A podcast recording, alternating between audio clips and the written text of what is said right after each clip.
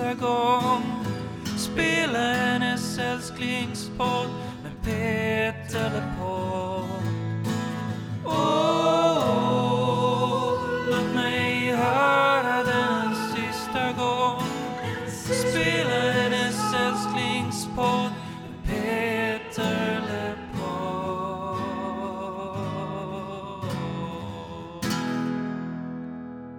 Välkommen hem. Jag heter eh, Tony Savela och med mig har jag förstås Emil Gustavsson Ryderup. Du lyssnar på Peter LePodd, en podcast tillägnad Peter Lemarks diskografi och karriär. Det här kommer vara den tredje delen i den unika, vågar jag säga, intervjuserien med Peter Lemark himself. Ett avsnitt eh, som avhandlar större delen av Lemarks 90-tal, hans relation till fansen och Peters möte med Bob Dylan. Oj. Men Emil, det här är inte ens den här fredagens största nyhet i Lemark Sverige. Några minuter nu efter midnatt den här fredagen som detta släpps så släppte Peter Lemark en samling med 40 spår på bland annat Spotify som heter Hemkört. Emil, vad är Hemkört för ett projekt? Jo, Peter har ju då krattat ihop en hög, eh, en rätt stor hög med gamla demos. Alltså skisser som har spelat in i all enkelhet hemma. Som eh, sen har blivit till låtar eller inte blivit till eh, färdiga låtar eller som har givits bort till andra artister för att bli låtar. Men nu har han då samlat ihop detta och släppt i den här samlingen på eh, streamingtjänster som Spotify och dylikt. Och passande nog, senare i det här avsnittet så kommer Peter prata en del om några av de här artisterna som han har skrivit låtar Eh, och gjort demos till. Och det är alltså några av de här demosarna som nu får se dagens ljus. Det här är rätt häftigt. Du och jag Emil har ju fått förhandslyssna på den här samlingen. Så innan vi ska lyssna på dagens samtal med Peter så tänkte jag att eh, vi kunde prata lite grann om Hemkört. V vad tycker du om det här släppet? Det är eh, såklart kul att eh, eh, få höra låtar av en artist man tycker om som man inte tidigare hört. Eh, det är väl självklart. Men också väldigt kul att få höra de här skisserna till låtar man har hört. Till exempel Anna-Lotta Larsson och Samuel Fröler och andra artister sen spela in. Men nu får man höra liksom Peters grundversion, vad DNA till den här låten egentligen är. Och det som överraskade mig när vi fick chansen att lyssna var hur jävla hög kvalitet något som Peter kallar skisser håller. Ja, de är ju otroligt välproducerade, de här demosarna. Eh, på en nivå i alla fall som, som inte påminner om de där demosen och skisserna man brukar höra av andra artister. Jag menar om, om Rolling Stones eller Bob Dylan någonsin släpper en demo så är det ju någonting som är inspelat på någon, du vet, kassettbandspelare som står på andra sidan rummet. Bruset är alltid högre än vad liksom instrumenten och sången är. Ja, och här så låter ju det väldigt, väldigt bra. Och Peter kommer i det här samtalet vi får höra idag prata om någonting som han kallar för vanligt folk-test. Där människor utanför musikbranschen får lyssna innan en release och tycka till. Och det fick ju alltså vi äran att göra. Eh, Sen tror jag att Peter hade förväntat sig en, en mer sund reaktion att vi hade kanske, du vet, skrivit några enstaka rader. Istället så fick han då tre A4-sidor med olika anteckningar om vad vi tyckte om de här låtarna. Vi kan väl plocka ut det vi har skrivit och tyckt till om de här låtarna. Vilka är dina favoritspår på Hemkört? Alltså överlag så tycker jag ju att det mesta som vi fick lyssna på är skitbra. Vilket jag inte heller tror det var det Peter egentligen vill höra. Utan han vill nog höra så här typ Eh, ta bort det där, ta bort det, skit i det. Men det var väldigt svårt för jag tycker att mycket var väldigt, väldigt bra.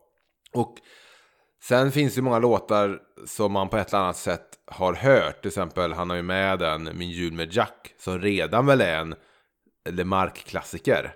Eftersom den har funnits på hans Soundcloud länge och några andra. Ehm, men jag har valt ut två låtar här som jag inte överhuvudtaget hade hört talas om innan.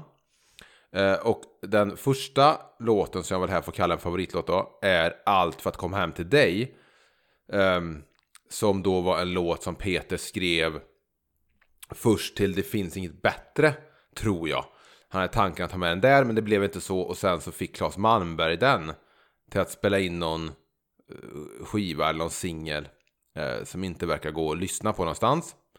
Eh, men jag vet inte, vill du höra mitt omdöme jag gav till Peter om låten? Ja men gör det. Okej. Okay. Jag skrev Grym som fan, älskar låtens mood. Låter som en annan låt i verserna, sångmelodin. Hur det bygger upp i Elden spred sig snart till skogen där lösa hundar sprang men kan inte komma på vilken låt det är jag tänker på. Vänta, är det refrängen i Gangsters Paradise med Coolio jag hör? Och eh, där, i Coolio-låten så är det ju en Stevie Wonder-sampling. Så det är väl inte så konstigt om Peter varit där och grävt lite. Mm. Um, och sen tyckte jag en till låt var intressant för att Eh, när vi fick lyssna på de här låtarna så var det innan vi hade spelat in avsnittet om i Karlssons källare.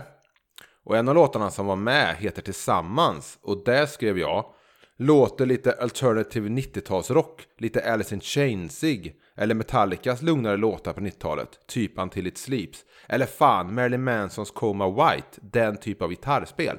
Det jag inte visste här, för att när vi pratar om i Karlssons källare sen, så är det ju så att Peter Karlsson har gjort musiken till två av spåren. Och då pratar jag också om att det låter så lite 90-talsgitarrigt. Och den här låten låter tillsammans, det är Peter Karlsson som har gjort musiken här igen. Mm. Så, så i firma Peter Lemark slash Peter Karlsson så verkar det som att det är Peter Karlsson som har med sig lite det alternativa rocksoundet och inte Peter. Det känns ju lite av en miss att vi inte har snackat med just Peter Karlsson och grävt i var den här inspirationen kan ha kommit ifrån. Det finns många missar under den här poddens levnad, Tony. Vilka låtar är det du tycker är värda att plocka fram här då? Skepp utan segel skulle jag vilja mm. nämna. Det är en aldrig tidigare utgiven låt som ratades för närmare gränsen. Vilket visar då på vilket jävla starkt material han hade till närmare gränsen. Mm. Att en sån här låt inte fick komma med. Och den är extra kul också för att man får höra 80-tals-Peter-rösten. Ja men exakt, det är väl, är det den tidigaste låten på samlingen tror jag. Mm. Eh, en, en rätt mäktig gospel som i slutet eh, hamrar ut i ett fint Roy Bittenskt piano. Precis som du säger så är det svårt att välja favoriter på den här samlingen för det finns väldigt mycket bra här. Eh, jag skulle också vilja nämna Allt det bästa. En demo som sen Kristina Lindberg spelade in. Ja. En låt som Peter skrev 99. Och eh, det är en låt som hade kunnat höra hemma på en Greatest Hits-skiva väldigt fin. Men jag skulle vilja ta och nämna en låt som heter Det lilla livet som var en demo till Svag doft av skymning mm. som aldrig tidigare har getts ut eller hörts. Och där skrev jag till eh, Peter vem annars vågar skriva en sån här låt? Äkta, ärligt, ödmjukt som en bön från någon som fattat vad det viktiga i livet är.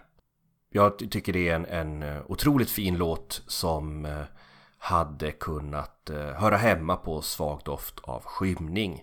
Man börjar nu också inse vilket starkt låtmaterial han hade till den skivan också. Ja, för att själv ha sagt att jag var lat då. Mm. Som han väl nämnt till ett par av de där senare skivorna. Jag orkar inte skriva mer än vad jag behövde, men det visar ju att han Skrev en del och skrev väldigt bra. Men tycker du Tony att folk ska stänga av vår podd nu och istället lyssna på Peters samling? Eller ska man först lyssna på intervjun med Peter? Jag tycker så här, man borde lyssna på det här samtalet först va? Och sen så är man redo för att hugga tag i 40 spår eller vad det är. Hemkört. Eh, det låter som en fredagkväll tycker jag. Vi kan väl göra som så att vi lyssnar på dagens samtal med Peter, den tredje delen i den här intervjuserien. Och dagens samtal eh, tar sin start morgonen den 2 juli. En så varm sommardag att vi sitter med öppna fönster där i musikrummet Petersburg. Vi har tidigare den här morgonen släppt avsnittet som heter Peters baksidor 92 till 2012. Men vi kommer börja vårt samtal med att prata om Bob Dylan. Välkomna till Peter LePodd. De sänder direkt från Bagarmossen idag. Så ni är välkomna. Välkommen hem till Peter LePodd. Nu under veckan för inspelning så är det ju, eh, om vi pratar om den här akustiska äventyret-turnén, Ja. så är det ju 30 år sedan du eh, spelade förband till Dylan. ja, det stämmer. Det stämmer. Hur var det? Jag fick förfrågan från Ema Telstar att spela förband till Dylan redan 1990. För det minns jag så väl, för då var, jag, var vi sommaren i Jo där. Och det var varmt och det var skönt och ungarna lekte ute och inne och sådär. Så att jag kände, fan jag har ingen lust att sticka härifrån och, och spela akustiskt med Dylan. Så då tog de Plura och Kala istället, som var förband. Sen kom frågan året efter också. Då, för att när han spelade 1990 då var det Globen och sådär. Hartwall Arena i Helsingfors. Det hade jag ingen lust att göra. Men då var det så här cirkus. Och det var ju så här. Ja, en liten intim spelning med Dylan så kan jag spela lite innan. Vad kul. Låter ju kanonkul. Eh, och så det var, tyckte jag var ashäftigt. Och eh, då var det ju från akustiska äventyr var ju Pelle Sirén redan med och Stefan Forklid var med. Och Pelle sa att Uffe vill gärna vara med också. Vilken Uffe? Lundell? Jaha. Ja, men han får höra av sig då. Så ringde han, jag var ute i Vaxholm då, kommer jag ihåg han ringde. Dyngrak. På någon strand, Tylösand. Och jag tycker Dylan ska Nobelpriset. Ja, ja, absolut. Men vad då ville du vara med eller? Ja, fan, jag, ska, jag kör med, jag kommer här och spelar. Det hände ju ingenting med det där. Han var ju så jävla packad där alltså.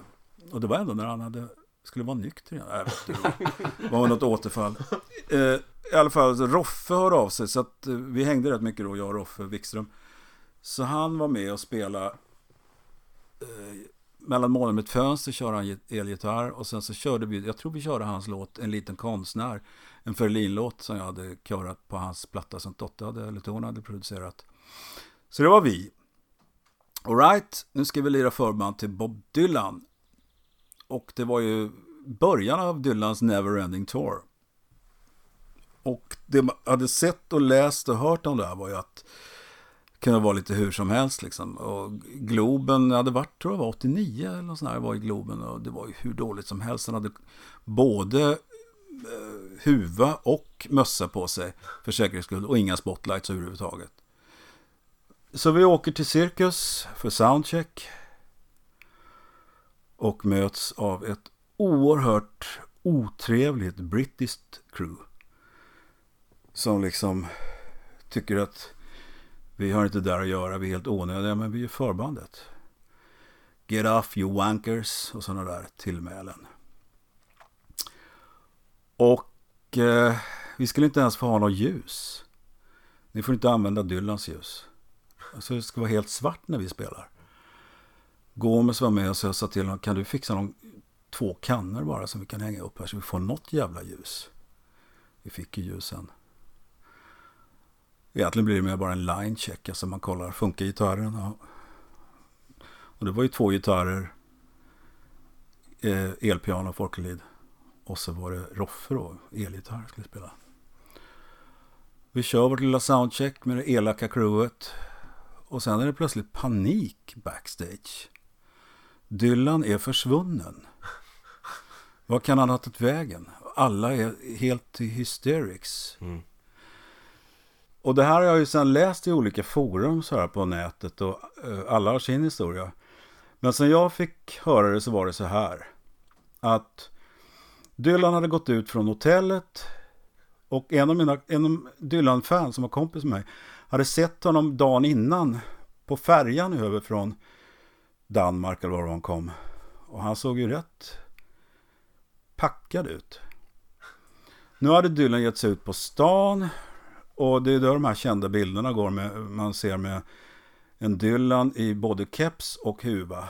Som irrar runt. Eh, Nybrokajen. Och är helt vilse bland de här skärgårdsbåtarna. Och det var ju tidningar som fick sno på honom som följde honom med kameror. Och som jag fick höra det sen. Så är det två turister någonstans ifrån Östergötland. Eh, Jag kommer inte ihåg om de var från Linköping eller någonstans. Eh, De skulle till Grönan för att se reggaebandet, citattecken, Inner Circle. Eh, Så han frågar Your Garden. Eh, Till slut så får han skjuts med de här två turisterna. Och pratade med den här mannen sen, som det var en man och en kvinna. Han sa att Dylan stank eh, liksom gammal fylla sådär va. Han satt hukad över instrumentbrädan i passagerarsätet. Och de körde honom till cirkus. Och det blev ju ett jubel och eh, glädje i cirkus när Dylan dök upp igen då. Han hade sprungit ifrån sina livvakter och hela middevitten där, bara kutat ut själv. Eh, och de här eh, turisterna som skulle se in i Circle på Grönan, de fick sen fribiljetter till dagen efter. Och de fick också, hade varit och köpt någon platta, jag tror det var Infidels, när man köpt på Åhléns. Mm. Och så fick den signerad av Dylan. Eh, Okej, så här är innan gig och vi går in och gör vår grej och det är väl sådär som det är som förband. Att eh, folk har inte riktigt hunnit komma in, några håller på att leta efter sina platser och alla är inte inne än och sådär. Vi kör vårt sätt där och det funkar väl okej. Jag menar, det är inte så här, ingen är där för att se mig överhuvudtaget. Så att det... Och efter gigget så den logen vi fick, det här var innan de byggde om Cirkus, så det var väldigt litet uppe backstage, övervåning på Cirkus. Uh, logen vi fick var i stort sett en garderob. Och toaletter och så där på den tiden. Det fanns bara en toalett och det var ja, i korridoren där uppe. Mm. Och sen fanns det en större rum och det hade ju Dylan naturligtvis som sitt, sin privata loge. Och det jag minns var bland annat det att jag står i dörren med ryggen mot korridoren och pratar med alla i bandet. Och jag tycker det, fy fan. Alltså Dylan han åker runt som jävla Chuck Berry med sådana här pickupband som inte kan alla låtar han bara hittar på när han ska köra. Det äh, fy fan vad slut han är. Och bla bla bla bla bla. Då sa Gomes, vänder jag om Peter. Vände jag mig om och 10 centimeter från mitt ansikte är Dylans ansikte. och han kan ju inte ha hört vad jag har sagt, han kan ju inte förstå det. Man bara tittar så här. Han, och så jag börjar rodna så här bara, fuck hell. Och Dylan kör sitt sätt och vi står ju liksom på scenen och ser alltihopa så här va. Och det är ju, han börjar med en instrumental munspelsversion av New Morning. Som inte ens de värsta dylanologerna nästan kunde höra vad fan det var för någonting va. Roffe går därifrån, han tycker det här är vilket jävla skräp. Och Dylan är ju synbart påverkad av någonting. Snacket backstage gick sen då att han hade ryggproblem och, och fick eh, starka tabletter för ryggen. Och det blandat med vin. Jag vet inte vad han gick på men han var, han var inte nykter alltså när han Mm. uppträdde. Och jag var så här, fy fan. Sen åkte vi hem till Pelle Siren och jag var bara, fan, måste göra det här imorgon också. Ja, det är två kvällar. Fan, jävla Dylan alltså.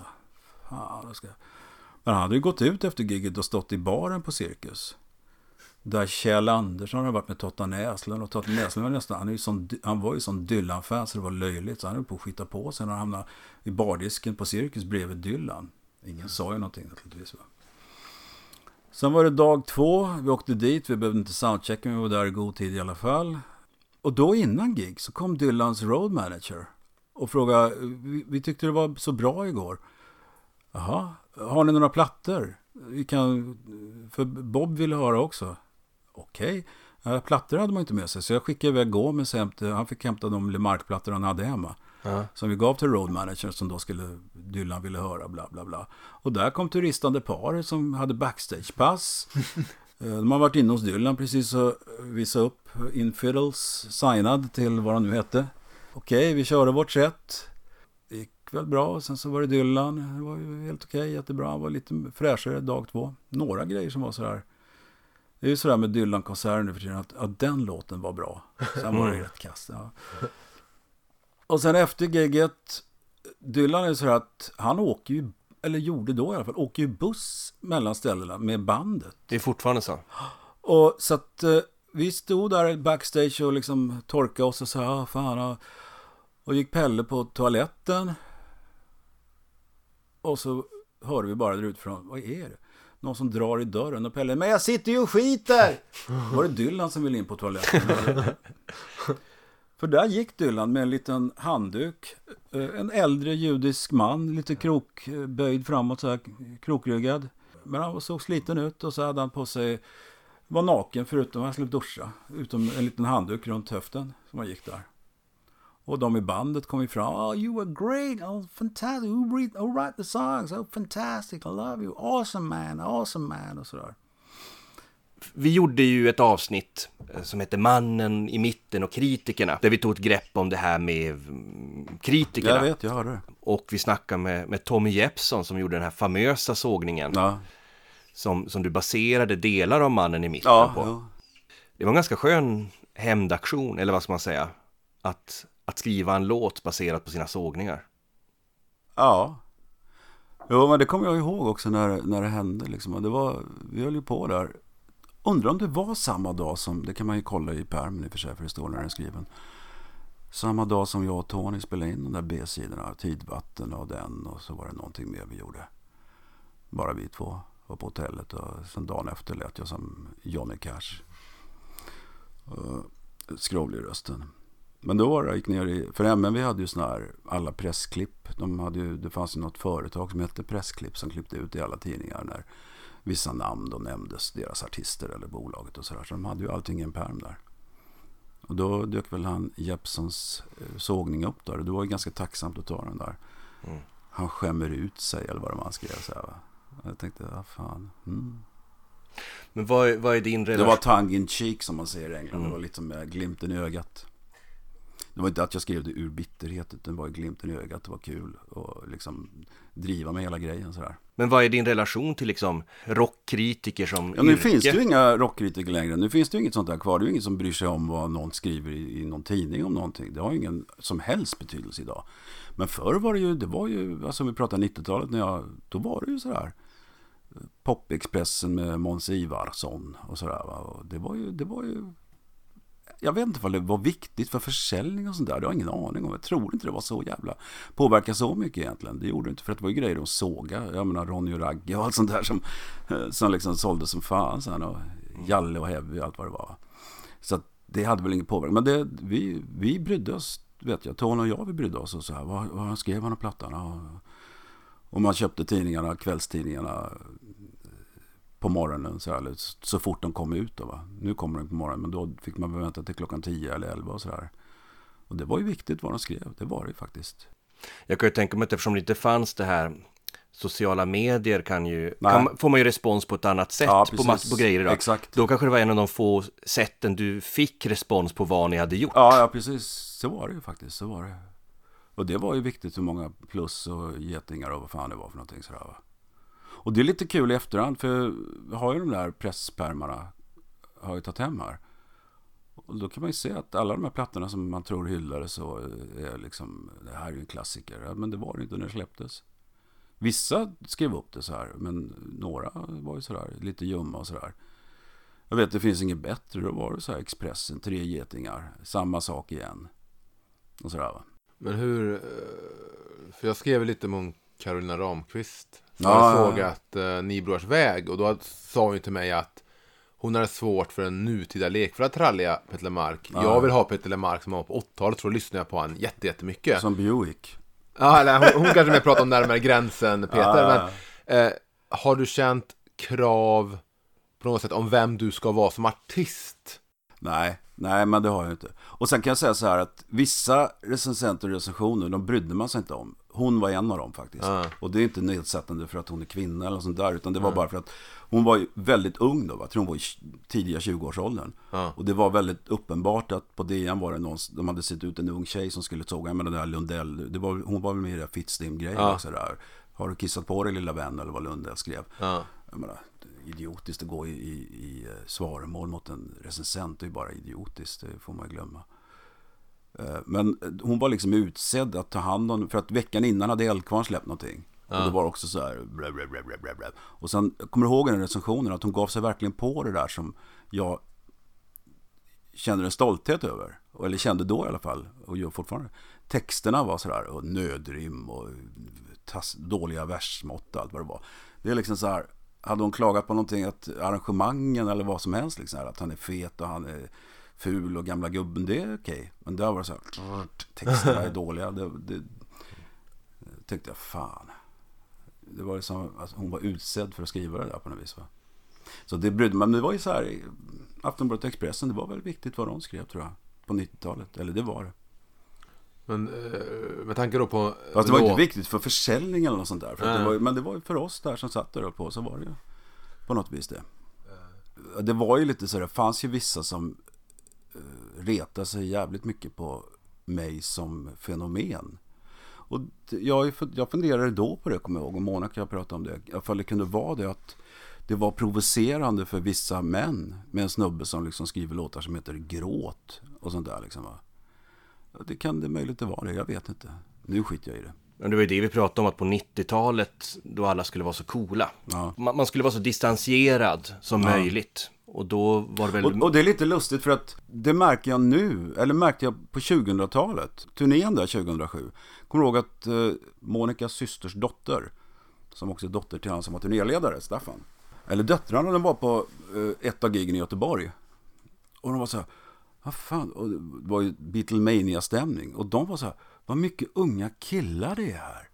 Alltså killar då i 25 till 30 sådär va. Och de var så förvånade att det var så mycket unga. Men det kommer liksom en generation av snubbar där som inte var de här eh, födda på 50-talet och det gäller liksom att vara cool här och inte visa några känslor och sådär. Utan det var ju snubbar som tyckte att låten Gråt var precis vad de, exakt vad de behövde. Doctors orders. Vi släppte ett avsnitt nu i morse som du har hunnit lyssna på, det här med Ja. B-sidor. Mm. Nej men då snackar vi om en outtake på Det finns inget bättre. Rik i regnet. Ja, just det. Är det så Peter, att du kan ha tagit melodin från tv-serien DuckTales på 90-talet? Ja, det, ungarna, vi hade, jag tror vi fick kabel-tv där kring eh, 90 när vi flyttade till Korpmossevägen. Så den är ju skriven efter det. Så det är möjligt att de såg på eh, den här Disneyklubben eller vad det hette, där det gick. Och jag fick in det i huvudet. För det är onekligen är det ganska likt. Men jag kan inte säga att jag medvetet har påverkats av, DuckTales. ja, det är ju mycket blues va, och, och DuckTales. Som är Det är, det är Beatles, det är Lightning Hopkins och så är det, är det DuckTales. Och sen, eh, vad hette de som ungarna? Eller var Mark som såg mycket på det där? Eh, Teenage Ninja Baba Ja. Turtles. Det... Garvagatan 4B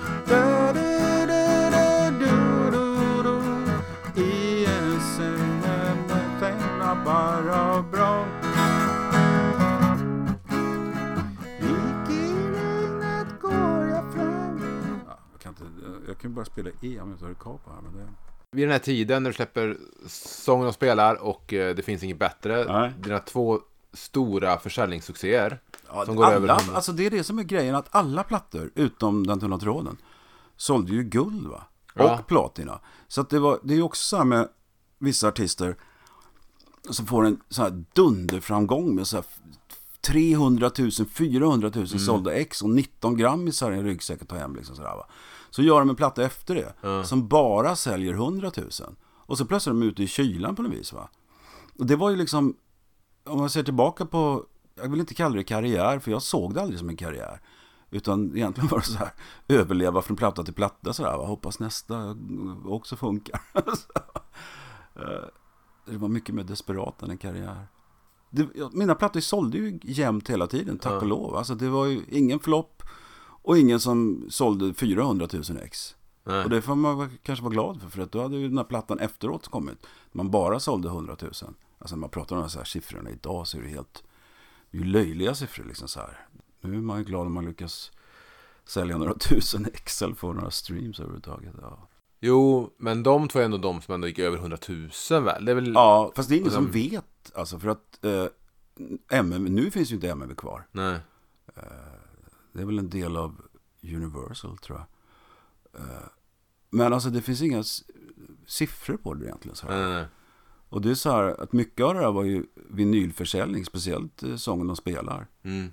Kanske var 50-50 då, och lite kassetter och sådär. Det finns ju ingen som har koll på det längre, hur mycket det såldes av dittan eller dattan. Så här. Sen var ju MMV inte medlemmar på den tiden av IFPI, alltså skivbolagens eh, organisation i Sverige. Utan de var ju med i, de var ju med i SOM, de var ju ett litet Mm. alternativt bolag.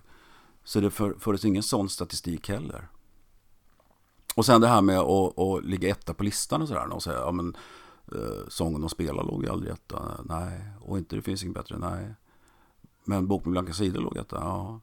Men den sålde ju inte mer. Jag Nej, kommer ihåg precis. varför den blev etta. Det var när Ulf Waldekrans började som promotionchef på MMV. Och han kom ju från eh, kapitalisternas håll men han hade varit på, vad hade han varit? Var det Arcade eller något sånt där? Holländskt eh, bolag som sålde allt möjligt. Och han sa liksom, har du aldrig legat etta? Nej, inte med något album. Ja, då fixar vi det till den här plattan. Hur gjorde han då? Ja, mycket pre-promotion. Alltså jag gjorde mycket reklam, var i, i, i eh, intervjuer och tv-grejer innan plattan kom. Så dagen den kom, så alla som var intresserade bara, whips, den ska jag ha. Och så gick den upp till första plats för att det sålde så mycket första veckorna. Sådär, va? Ja, Sången och spelare, det finns inget bättre, sålde antagligen mer exemplar. det fortsatte bara sälja Det fortsatte jämt. så här, låg så här på tredje plats i flera veckor, så här, va? i flera månader. Men Så att det där med listorna, det folk säger du låg etta och du låg inte etta då, det, det där är bara bullshit, det där går att styra. Det är lite lik så här filmer för där Dansa med vargar kunde gå ett år på bio Ja. och bara dra in pengar. Medan nu är det så mycket första helgen, sen Ja. vet vi att det droppar 60%. Och med skivor är det ju så nu, liksom, det känner jag, fast jag inte gör någonting, att det är så här, man är aktuell i några timmar. Så här, ny platta ute, ja, och så är det fredag när det släpps, för att nu kommer ju allt på fredagar på Spotify. Ja. Och sen på måndagen så är det så här glömt på något vis. Så, här, va? Så det, det känns ju väldigt tydligt. Och det, det var ju roligare naturligtvis som en platta som levde länge. Som, jag menar, när inte folk kommer fram på gatan. Du, ska inte du göra något nytt nu? Eh, direkt när man har gjort en platta sådär va. Men med tanke på ändå vad du nu än säger nu att det finns inget bättre än bästa svenska skivan som som gjorts. Så hur, hur kände du när du liksom hade gjort den skivan? Jo men det, ja, det är klart, vi, varje skiva man var ju oerhört nöjd. Nu är vi färdiga, vad bra, skönt, vad bra det här blev. Det var ju det bästa man kunde åstadkomma då så att säga. Mm. Sen i efterhand kan vi hitta sådär, ja, men den där skulle vi inte spelat in och kunde tagit den låten istället och sådär. Så kan man ju alltid sitta och tänka om. Du vann ju en Grammy sen för bästa musikvideo där. Rullar den friskt? För jag har minnen av Ja. den från min barndom. Den, så- den låten, och det var ju Leif Lindblom och hans team som Mm. gjorde det där. Jag, och jag, det ser ut som jag dansar med de här svarta Ja, tjejerna i ja. videon. Alltså jag rörde mig lite och sen så klippte de ihop det så det såg ut som jag dansar. Ja. Jag, alltså det var inte, jag gjorde några, gick runt lite där på den här scenen de byggt upp med de Ja, här något tjejerna. snurr gör du väl? Ja, och det var ju bara, ja, det var ju Leif, snurra lite till, snurra där och gå in därifrån. Och, och sen klippte de ihop det så det såg ut så det var ju jävligt skickligt klippt video. Och jag hade ingenting med den att göra. Eh, överhuvudtaget. Det hade jag inte överhuvudtaget med Leifs videos faktiskt. Utan han hade idéer så gjorde jag det. För att han sa, jag vill bara att du ska se så jävla bra ut som jag kan. Och då tänkte jag, då litar jag på det. Och sen det första han gjorde var väl Troget hjärta tror jag. Ja. Och det var i replokalen när vi repade inför den turnén 1990. Han kom till, i Hammarbyhamnen på den tiden. Då fanns det sådana här stora skjul, schabrak, sådana hangarer. Där man ofta repa Och där de hade svartklubbar och skit och sådär. Nu är det ju rivet. Nu är det ju sådana här dyra bostadsrätter. Med utsikter mot eh, Hammarbykanalen. Och då kom han dit och filmade där. Och då, då sa han. Jag vill bara att du ska se så bra ut som möjligt. Och håll huvudet så och stå där. Men jag sjunger inte mot micken. Nej, men det ska, det skit i det. det är bara, du mimar ju för fan. Så sjung bredvid micken som, och så vidare. Så att han instruerade mig. Jag gjorde som han sa. Och den blev bra den här Det finns inget bättre. Ja. Och den blev ju alltså, det var därför de här spanska versionen och så här kom och engelska versionen. För att den blev visad på MTV, MTV Europe. Och gick så här någon gång i timmen där. Ja. Så den blev oerhört, och den var antagligen uppskattad för att den var en bra video. ja. För han var ju duktig, eller är duktig. Kändes väldigt internationell. Ja. Med, med svarta Ja, lite så här eh, Robert Palmer light. ja, nej, men så att den gick jävligt mycket. Det var då John Cloud hade snappat upp någon eh, i Spanien hade varit radiostationer som hade börjat spela den på svenska. Ja. Och han tyckte, vi ska göra den på spanska Peter. Okej. Och så hade min svägerska då, Monikas yngsta syrra, kände någon, hon bodde i Hammarkullen i Göteborg. Och kände någon poet ifrån, vad var han? Var han ifrån Peru? Eller Chile? som gjorde en sorts eh, översättning. Och sen var hon med i studion när jag skulle sjunga den till backing tracket då. Och det är ju med svensk kör i bakgrunden. Eh, Quando llueve He olvidado al fin los días de obscuridad Llanto miedo fue bastante Det finns något, något magiskt över den versionen vill jag ändå säga. Ja, fast de som kan spanska tycker att vad är det? Han låter som turkisk gästarbetare eller någonting. Som... Men jag, jag ställde frågan till ett par, jag försökte via, få den översatt eh, via mitt Pearl Jam-nätverk. En hävdar ju att det där är inte spanska, det där är från Malta. Var det någon, Ja, det var någon ja, men sa- jag tror att det är, att det är sydamerikansk spanska. Ja, men så, och någon sa typ att Ja, men jag hör tydligt att det är en sydspansk dialekt. Så var, alla hade väldigt olika Ja, takes på ja, vart det kommer ifrån. Men det var ingen som sa att det var helt... Nej, det låter Någon sa typ, det är ja, man inte, hör att det är en... det är inte kastiljansk eh, högspansk, utan Nej. det är lite så här, tror texten, det hörs nog att det är från, jag kan ingen spanska, men det låter nog som det kommer från, att det är sydamerikanskt. Och sen så min, min, mitt uttal är väl inte, även om Kattis försökte Mm. coacha mig så gott hon kunde. Vad var anledningen sen att den fick hänga med på Le Marxisme, men den engelska versionen inte fick följa med? räckte väl med en version av den där jävla låten. Den engelska, det var ju Japan. För MNV hade ju någon idé då att, jag vet inte om det var då eller senare, men det kom ju massa band och cardigans och vad det var som slog, blev stora i Japan. Och det var ju en våg i Japan av svenska artister som sjöng på svenska. Som, alltså vi snackar inte om att de sålde miljontals ex, men de sålde hyfsat bra i Japan. Och då tyckte väl MNV att jag skulle, att jag skulle ge sig ut i Japan. Så jag visst, fan, fair enough, ge ut det. Och de gav ut sången de spelar i Japan. Och det är exakt samma låtlista som det är i Sverige. Fast eh, de har översatt med japanska texter och sådär. Och sen när vi kom till Det finns ingen bättre och de skulle ge ut den i Japan. Då var det så här, ja, men de, Japan måste alltid ha ett bonusspår. Jaha, ja de vill ha ett bonusspår på engelska. Okej, ja, då gör vi en engelsk version av den då. There's nothing better. Och det kommer jag ihåg när jag sjöng. Det var jättemärkligt. Hur ska jag sjunga? Jag ska sjunga brittiskt. There's nothing better. Eller better. det kändes jävligt märkligt. Det kändes som att vara tillbaka i pojkrummet med liksom tennisracket för magen och låtsas pop. Sådär liksom framför spegeln. Ja, just det. Jerka spelade in den sen på en platta. Den engelska versionen. Då lät jag Monica stå som författare till eh, texten. Jag skämdes så. Sen gav du ut på turné. Ja, Det som ska bli den sista på 14 år. Ja, just det. Två turnéer. En vårturné som var då i konserthallar till stor del. Men som jag sa igår så var det ju även i små klubbar där vi inte fick in produktionen. Så att Mats Kongas fick eh, stå i bussen och vänta. Och lyfte ut vissa låtar. Vi snackade ju med din kompis Peter Gomes om den här turnén.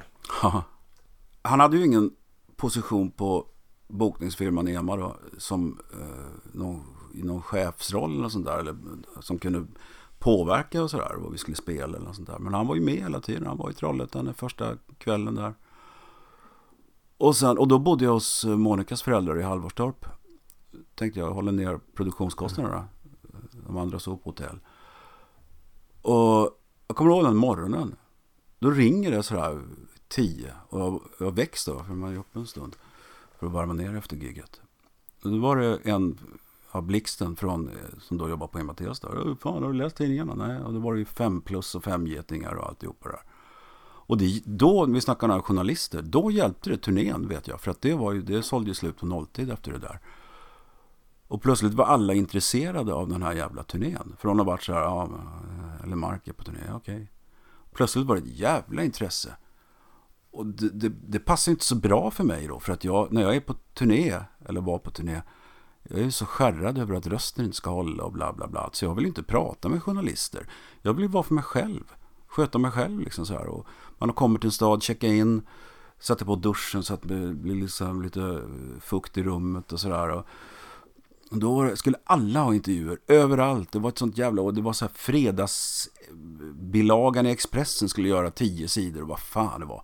Och liksom, måste de det? Måste de komma och störa mig nu? Och jag vet om vad det var i Örebro kom de in i någon loge och skulle plåta innan gigget. Och var så här, aj, och fan. Någonting som man skulle tyckt för när, man inte, när jag inte var på turné hade jag tyckt att det var bra promotion här va. Men det var ju så här, det var sånt jävla överallt och tv. Han kom, vad hette han, Thomas Lundström tror jag. Aktuellt hade ju en halv, eller en, var det en timme? Jag vet inte, de hade ett A-special, Aktuellt special. Med bara om turnén. Och han var i Kalmar och filmade. Jag fick ett rum på någon sån här det ligger alldeles vid slottet. Det heter, jag tror det heter Kalmar slottshotell. Det är så här romantic hotels. Så jag fick någon sån här svit där älskande par skulle bo med en flaska champagne som jag inte kunde använda. För jag dricker ju inte innan någon gig överhuvudtaget. Mm. Och jag vet, vindruvor och så sån här himmelsäng och grejer. Där låg jag hade ångest. Och sen kom tv. Nej, fan ska ni komma? Fan, jag vill ju vara i fred. Mm. Uh, sen, ja, det var ju det är kul för att få ett dokument kvar från den turnén. Så det där programmet, jag har det på, på, i datorn. Hur är din process när det kommer till en setlist? Alltså jag vill ju bygga setlisten på ett sätt som gör att varje låt kommer som en ah, ah, på det viset va.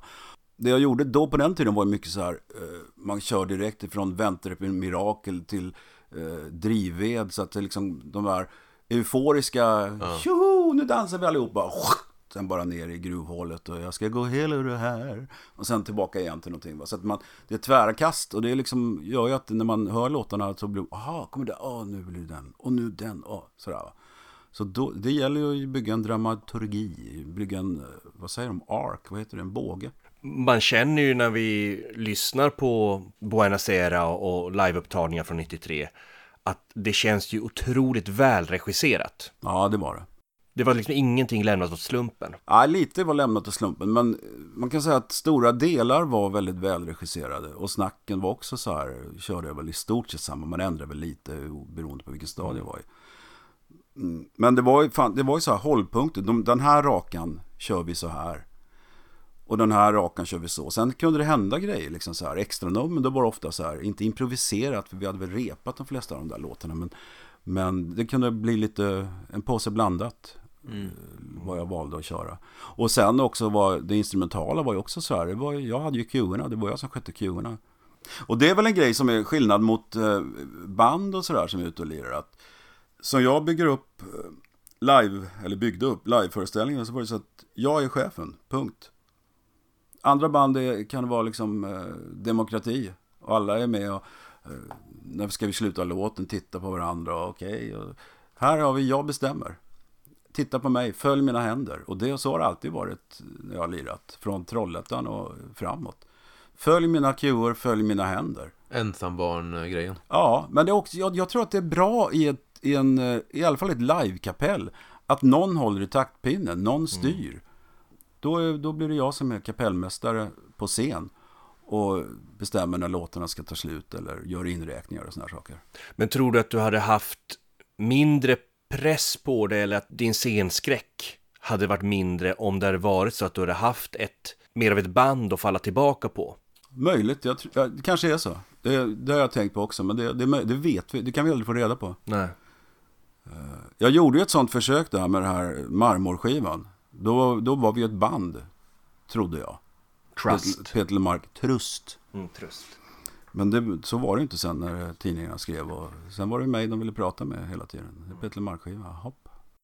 Till bok med blanka sidor. Ja! Som eh, är väl ihågkommen mycket för låten Tess. Ja. Får väl ändå sägas. Ändå var det ingen, inte första singel. Jag tyckte, nej men den där, jag tyckte det var så här lite mellanmjölkig, svensk reggae-försök. Alltså det är ju inte reggae, men det, det finns den, den motbitet i den. Mm, hela tiden. Och jag tänkte, nej fan, det där är ingen kul låt. Så vi släppte, först kom ju Lyckliga ögon. Och det har jag sett på Discogs, de har inte originalversionen. Den kom dels i ett plastfodral med en liten fågel på och grejer. Mm. Som jag har, den vet jag jag har. Och sen kom den i ett pappersfodral. Och sen släppte vi Fyra steg i blå. Och sen efter ett tag var Wallercrantz som tjatade att vi skulle göra ett test på singel. Och då blir det en radiohit. Ja, för jag tror man ser också att skivförsäljningen går upp där. Ja, kanske. Ja, det är möjligt. Jag vet inte. Det kanske var så.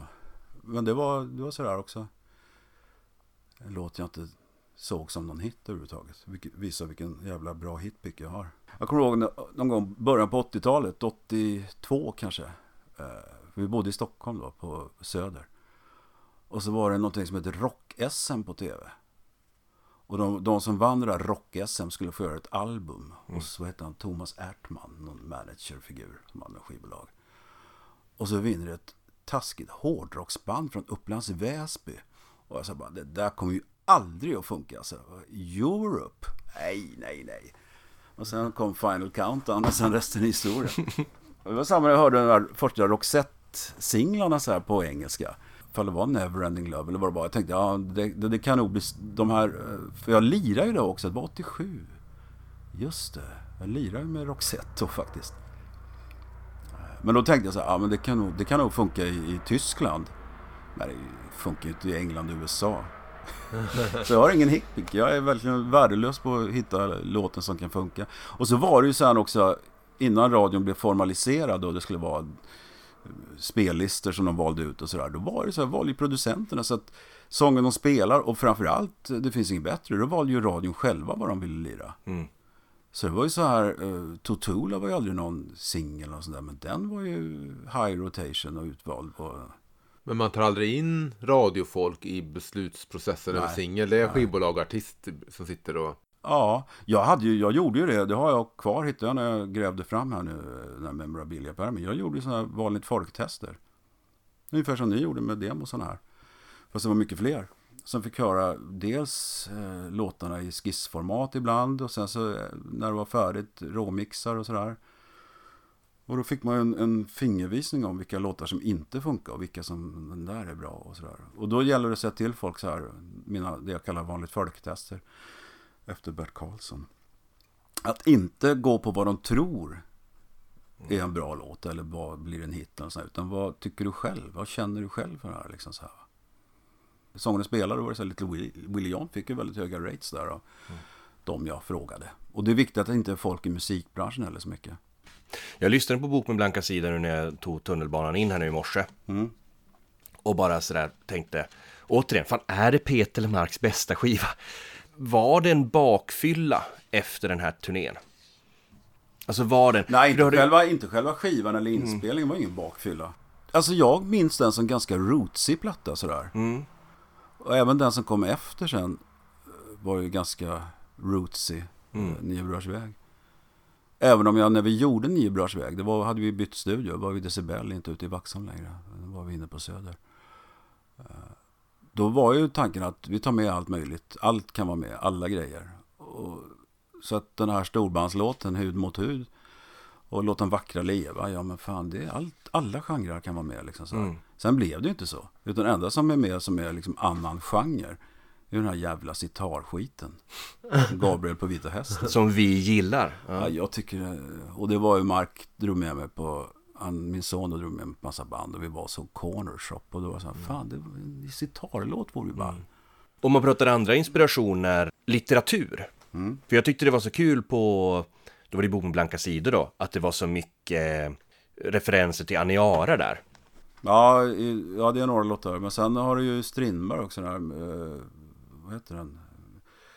Mitt hjärta på en krok, det är ju Strindberg. Mm. Det är någon låt där jag har, där jag har den metaforen med också. Vad gillar du att läsa? Det mesta faktiskt. Mm. Gå, får gå ut i, i biblioteket sen och titta på vad vi läser. Mm. Mycket och mycket olika. Poesi har jag läst mycket. Och det är för att det finns ett naturligt intresse när jag var låtskrivare på den tiden. Mm. Att liksom hitta ord och metaforer som man kan sno och sådär. För du har ju ett väldigt, eh, jag vet inte om du har stort ordförråd, men du har ett rätt intressant ordförråd. Det finns ju sådana här, vad kallas de? MÖP. Militärt överintresserad person. Och jag är SÖP. Språkligt överintresserad person. Jag älskar språk. Jag tycker det är skitkul. Jag läser alltid med språkkrönika och läser gärna böcker om språk. Och jag tycker det är skitkul. Jag är oerhört intresserad av språk. Och jag förbannar att jag inte lärde mig fler språk när jag var yngre. För på ål- ålderns höst så är det svårare att lära sig ett nytt språk. Eh, Jag är väldigt intresserad av språk. Men för jag tänker exempelvis, eh, det är en låt där på Nio Brors väg, Mans tomma löften. Så sj- sjunger det exempelvis eh, Kom sätt dig vid mitt rankabord. Är det så märkligt då? Det är ett ord i alla fall jag inte är jättebekant med. Men ranka Det bord, ju- det säger man väl? Sitt inte på den stolen för den är väldigt rank. Men en grej som jag uh, använt vet jag, men det är nog mycket så här, man, av dikter jag läst, Vandra vill. Mm. Och det är så här, what? Men det är nog, det, det tror jag så här, Ferlin och den där typen av uh, svenska poeter. Vi hittar ju Ferlin-referenser i alla fall. Vad vi tolkar som Ja, när, ja, när du det- sjöng om nattkvarter Ja, och ja, sådär. för fan. Oh, ja. Det öppnar ju upp liksom det, Han har världar. väl en, en dikt som heter Nattkvarter också. Ja, som du körar på. Ja, just det. Roffe spelar in där, ja. Ja, precis. Ja, men det, jag tycker det är kul. Jag gillar eh, svenska språket. Och de där som säger att det mycket, finns mycket, många fler ord i engelskan och det där bullshit. Eh, Svenska språket är jättefint och funkar jättebra musikaliskt, tycker jag. Men är det därför då? För på Hittegods skrev ju Peter Englund Ja. de här liner notesen. Och Ja, där, det, det tycker jag var lite så här, nu känner jag så här, fan. De där låtarna står väl upp bra för sig själv utan att behöva någon litterär människa som skriver folk på näsan hur bra de är. Liksom så här. Det var någon osäkerhet där. Jag, vi hängde ett tag där, eh, Peter och jag. Och då kände jag väl, ja, fan kan inte du skriva eh, några ord om det här? Ja, visst. Och det var, kände jag, det hade jag inte behövt att någon någon liksom lite von oben skriver folk på näsan att det här är väldigt, väldigt bra, här är stämpeln man skriver ju en, en lång och fin text. Ja, jättefin text. Och där Det- säger han ju men att han- han är ju begåvad så det är inget snack om det. För han, han säger ju det att han har lyssnat på ett par covers, men att, men att orden gnisslade på något irriterat vis mot varandra. En lågmäld trovärdighet som han själv lyckats att förmedla vill inte infinna sig. Jag tänker ofta på det här du säger med att du har haft en middle of the road-röst och det här, Mm. men du, måste ju, du, har ju, du har ju någonting i dina låtar som gör att de, enligt Peter Englund, är coversäkra. Att det ändå är väldigt så här, det här är Peter Lemarks låt. Jag tänker också på det vi pratat om språk, om det kan vara hur du använder ord och så att det Ja, det är möjligt. Jag har inte tänkt på det på det viset. Att de är coversäkrade. Men det... Finns det någon cover tolkning av en Lemark-låt du själv tycker är där satt den om det så är Anna-Lotta eller Anna-Lotta gjorde en del som, och det var ju sådana jag inte själv då hade spelat in. För de spelade inte in någon låt, eller det kanske hon gjorde, men inte under mitt, not on my watch. Hon spelade inte in någon låt som jag inte hade gett ut, utan hon fick ju egna eh, låtar. Uh, ja, men det jag kan säga självklart är ju så här, Handen som jag fingrar, det är Lisa Nilssons låt, ingen mer än med det. Min version är en cover, helt klart. Alltså det var ju, den låten, jag har väl berättat det massa gånger, den skrevs ju för Carola. Eh, Jag fick en förfrågan om en låt till Carola och tänkte vad fan ska jag skriva åt henne då för låt? Och det var ju så här, det var ganska tidigt där, det var kanske 89-90. Så det var innan jag, liksom, folk hade börjat spela in, in låtar i andra versioner.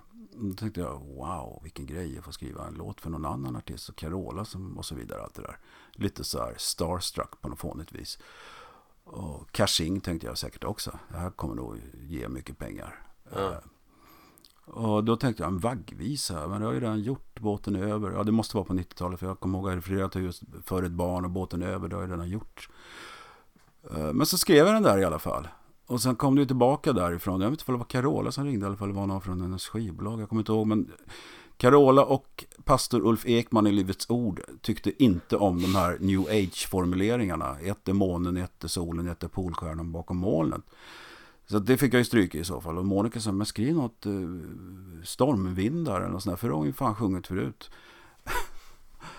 men hon ville inte ha låten till slut. Nej, okej, så den var liggande. Och så var det inte med med den saken. För jag träffade Mauro på någon Grammisgala. De hade fått en massa påsar Grammisar för Lisas uh, Himlen runt hörnet-platta. Alltså, fan, vi måste ju följa upp den. Jag, fan, jag har inte låtar så det räcker nu. Vad fan, har du någonting liggande? Då kom jag att tänka på den låten. Tänkte, det är ju inte, det är inte den Baggen egentligen. Det här är något helt annat. Eh, men jag skickade iväg den. Det var väl Johan Ekelund som fick ta emot den.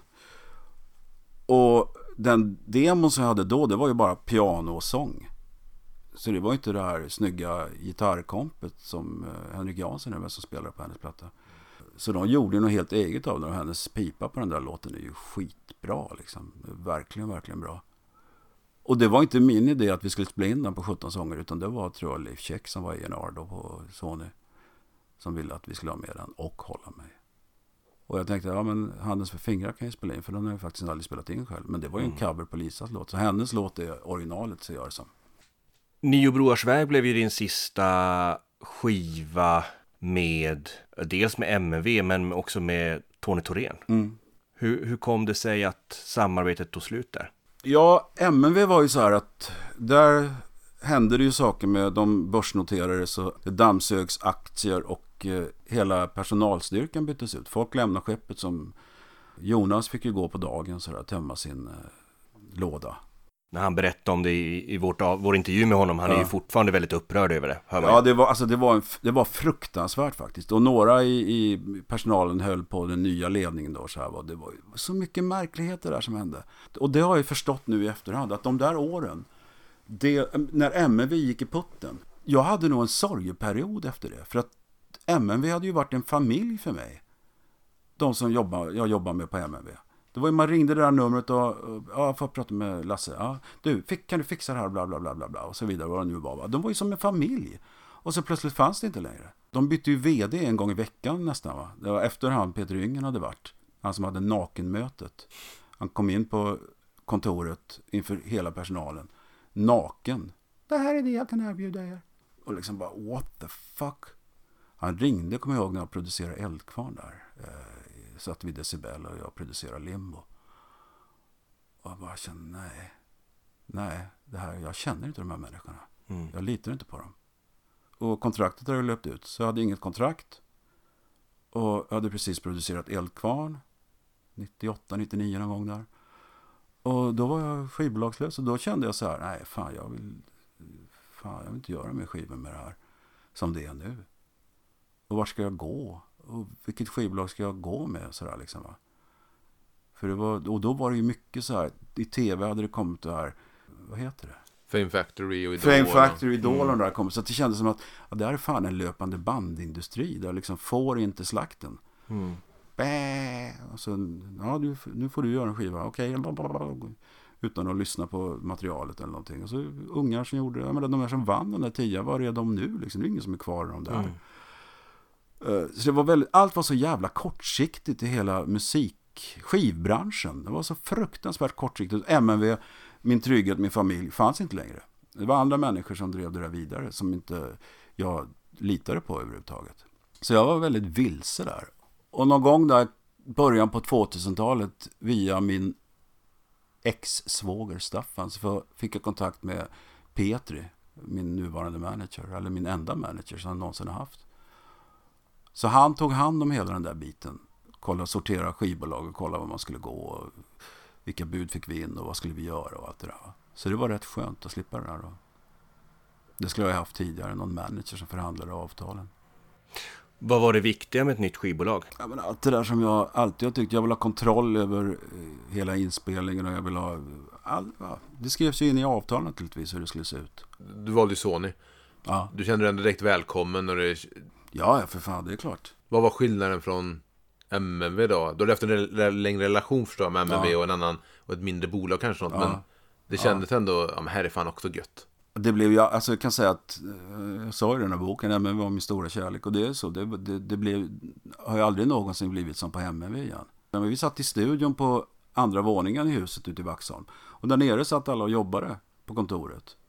Och det var ju bara, ja vi har gjort en mix här, kom upp och lyssna och se vad ni tycker. Och så kom det upp en tio pers och satt i kontrollrummet. Ja, tycker gitarr, det var någon som sa, kommer jag ihåg, Little Leon. Gitarrsolot är alldeles för långt. Ja, då fejdade vi det på radiosingeln, det gjorde vi också. det var ju som familj alltihopa sådär. va. Sony är ju stort och det var ju massa människor. Och det, men man väljer ut ett litet team som jag jobbar med sådär. Va? Fyra, fem personer högst som är med i själva teamet och gör det här. Och då kan man ju få till det så att det funkar som jag vill ha det. Skivorna du släppte på Sony. eh, Skulle du sen släppa på de här eh, etiketterna, du vet, Columbia, RCA, de här Ja. klassiska etiketterna. Om Sony istället för Universal hade köpt upp MNV, Ja. skulle du då valt och släppt skivorna på MNV-etiketten? Nej, alltså det där är ju bara en kosmetisk sak egentligen. Alltså det, vad det står på etiketten är ju bara sådana idioter som nördar som jag och kanske ni som bryr sig om så här va. Det är ju kul och, och jag menar när vi gjorde 17 sånger och var hela idén att jag skulle, jag gick ju och rota fram gamla jazzplattor på Columbia på 50-talet. För att det är också så här i Sverige kom ju ingenting ut på Columbia förrän i nutid. Det hette ju CBS på den tiden i Sverige. Ja. Och CBS fanns ju inte på tidigt 60-tal utan så här Miles eh, plattor. eh, De kom ut på Fontana i Europa på licens. Va? För att det fanns inget Columbia eller CBS i Sverige då. Så då gäller det att reta, eh, rota fram så här, vilka etiketter vill jag ha. Så här, det är ju för mig som är skivnörd på det viset var jävligt ball att hitta. Men där har ju den etiketten är snygg. Och den, den, den eh, skivbolagsloggan där är jävligt fin. Och stereo på det viset och sådär va. Tyckte jag var skitkul. Men det är ju ingen som bryr sig om det. Och sen nästa platta då, Kärlek till sin tid. Eh, Ja, då RCA. Ja, men då vill jag ha Elvis klassiska logga. Ja, visst. Det är fint, ta den. Så man sitter med så eh, tapetsample, Ja, så bara, Ja, vilken precis. etikett ska jag välja? Och sen när vi gjorde eh, senaste plattan då, eller sista skivan, Tunna tråden, då ville jag ha så här Bowies klassiska orangea Mm. 70-tals-label. Och det var ju bara att ta. När du var på MNV, vi pratade, när vi pratade med Jonas, pratade vi lite om att Tony Holgersson lämnade för EMI, Ja. eller EMI. Eh, fick du ändå mycket så här, folk som drog i dig från andra bolag? Inte vad jag kommer ihåg nu, inte direkt sådär. Jag tror inte att det var, för jag vet att när Tony gick till EMI och Kjell där så var det lite så här, så gör man inte. Nej. Man raggar inte andra bolagsartister sådär. Om inte artisten själv uttryckligen säger, nej fan jag måste härifrån. Någon som kan ge mig något bra Ja, option okej. på det här.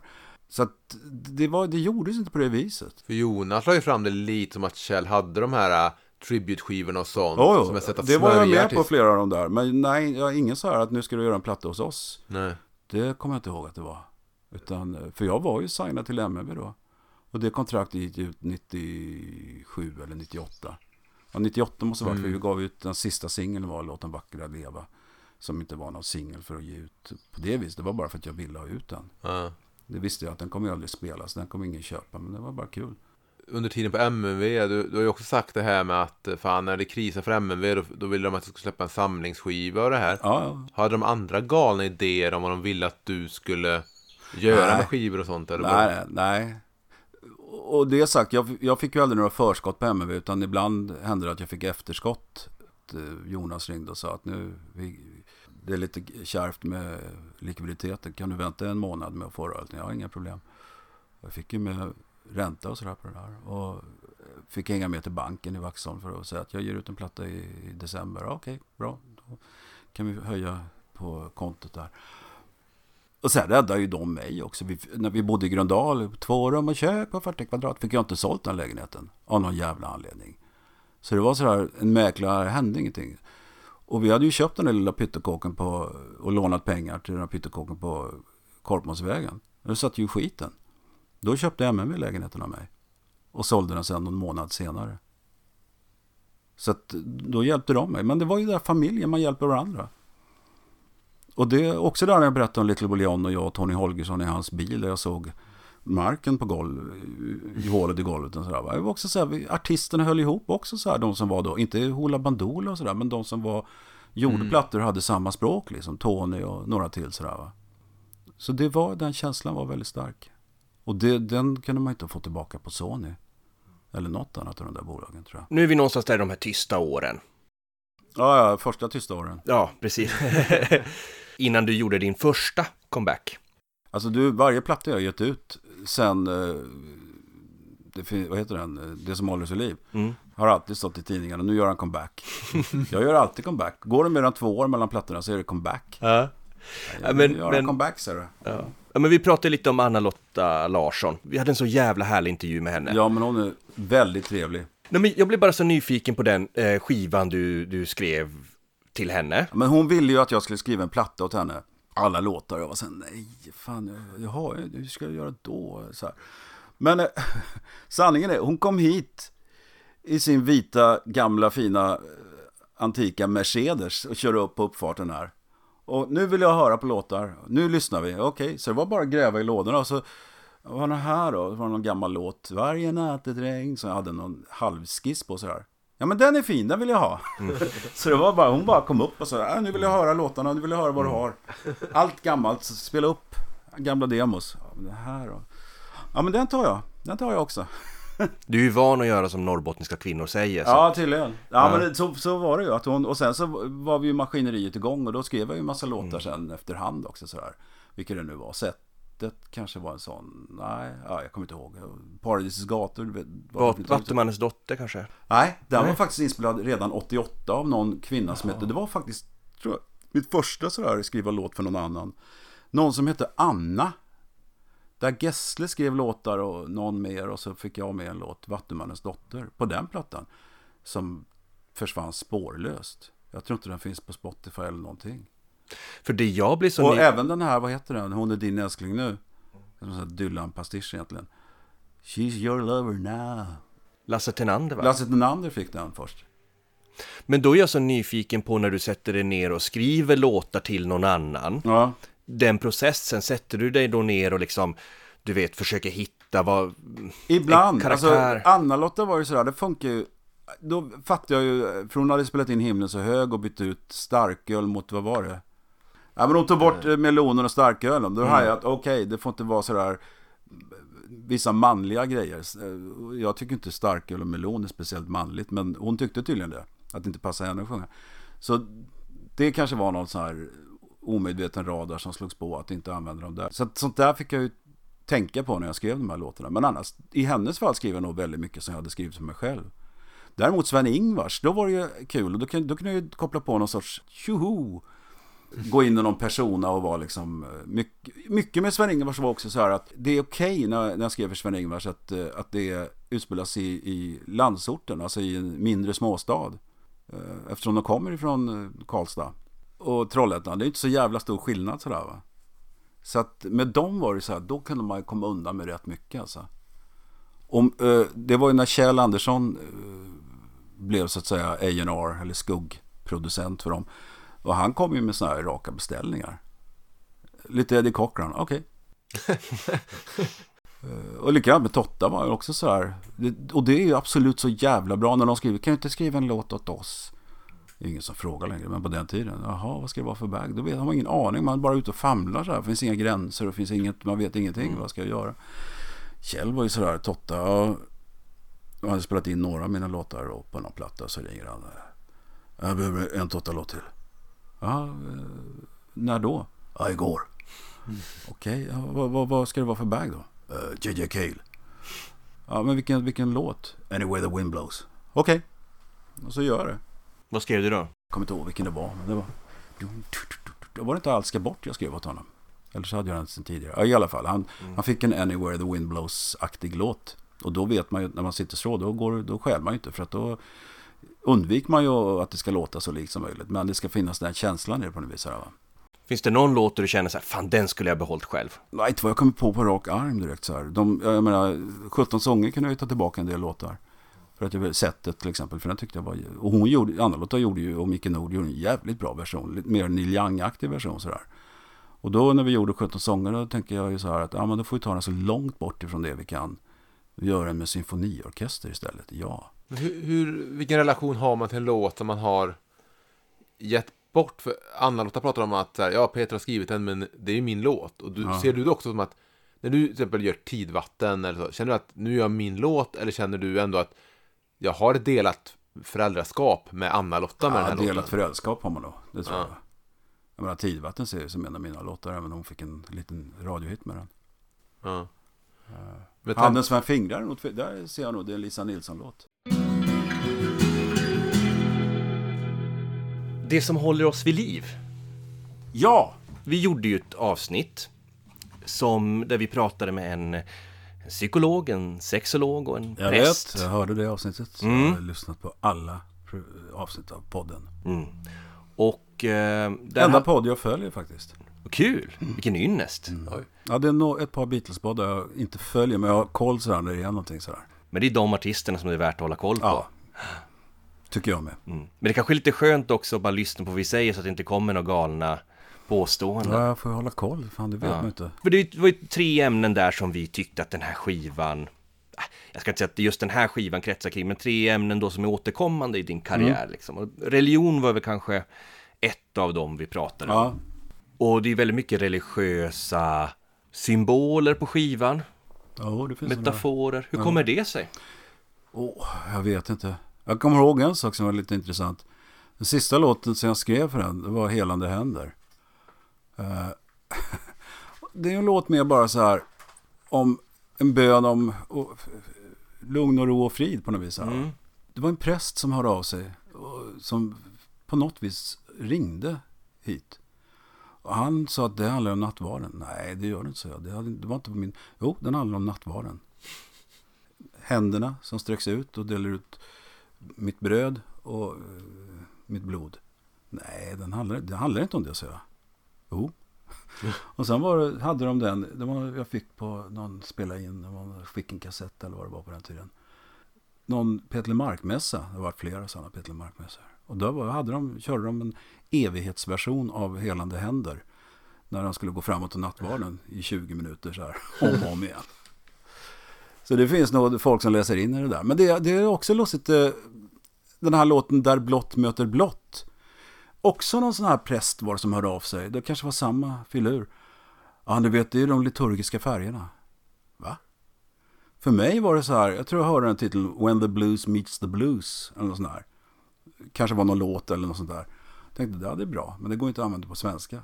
Och den där Blått möter blått, det är en sån här, vad jag kallar för pyttipanna-låt. Det var i den här permen då som jag har olika fraser och idéer. Så jag, hade jag så mycket som låg kvar som jag inte hade använt. Jag tänkte, fan, det, jag använder det, hur ska man göra det bäst? Jag gör en dialog, för då kan man ju slänga in vad fan som helst. Någon säger något plötsligt. Mm. Så enkelt var det. Och så hade jag en titel där blått möter blått. Folk läser ju in vad de vill läsa in i texter, det är ju så. Men hur kommer det sig ändå att du liksom att det blev så mycket helande händer och nåd och liksom... Men nåd, är ju något, det behöver inte vara religiöst eller Nej. kristet överhuvudtaget. Man kan ju få be om nåd i alla fall. Det finns ju en dramatik, alltså även om man inte är religiös så finns det ju en dramatik ja, det, i det där det är, ganska, det är ganska tacksamt att använda sig av det. För att det, alla känner till det. Eller de flesta, även i sekulariserade Sverige. Så pratade vi med sexologen Susanne, eh, vilket jag tyckte var lite så spännande samtal. Emil satt och rådna. du är så pryd Emil. Jag skulle inte säga att jag är pryd. Men du är uppfostrad. Men, ja, men jag är lite uppfostrad. Ja, så det är så. Man säger inte kuk. Ah, oh, helvete. Jag ryggar tillbaka lite. Nu, jag, ska gå jag hade lämnat när du spelade kul med kuken om jag stod i Polenskolan. Ja, ja, jag förstår det. Nu ska jag gå och tvätta tungan med två. När man skriver om sex, ja. när blir det rätt och när blir det fel? Ingen aning. Det, finns ju en gräns där när det blir plumpt och larvigt bara sådär. Mm. Jag vet faktiskt inte. Jag kommer inte ihåg. Vad, vad, är det för, vad är det för sex i den där plattan då?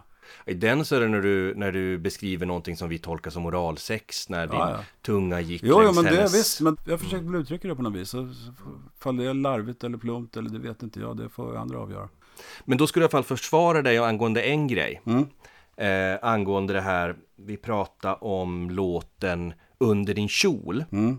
Och Susanne var lite fundersam där kring en formulering när du skrev Du får min pistol. Precis. Ja. Ja, men det handlar ju mer om så här, jag, jag avväpnar mig. Jag, mm. har, jag kommer naken utan vapen. Alltså, du behöver inte vara rädd för mig, eller vad man nu vill säga för någonting. Mm. Jag kommer till en naken utan förbehåll och krav. För jag behöver kärlek. Mm. Lika som mina barn sa förr. Desperat som du. När de var små. Det var helt enkelt ingen metafor för penis. Nej, absolut inte. Så jävla lågt sjunker jag inte. Men när din kärlek är en pistol. Ja, typ det på marmor. Ja, det kommer, jag kommer inte ihåg vad jag tänkte när jag skrev de låtarna. Där är ju massa märkliga. Där finns ju massa religiösa ja, symboler med. Den Någon präst som slås ihjäl i sista låten och vad det är för någonting. Är något av det där based on true stories? Menar du hela plattan där, Marmor? Ja, några låtar är väl det på något vis. Sätter eld på skogen, är så jag tänker på, vad heter den? Slättbergsskogen va? Det... Där var vi och luntade rätt mycket. Vet du vad lunta är? Ja, det vet jag. Ja, ja. Det har man gjort. Har du luntat någon gång Tony? Nej, jag har undvikit att lunta. Men du vet vad lunta är? Nej, ingen aning. Men eh, eld, man tänder på, men är pyroman. Jaha. Ja, men det, alla barn tänder ju på saker. Jag har så här tydliga minnen, man är uppe, man är så här 10-11 år och är uppe i, i eh, Slättbergsskogen där och luntar. Mm.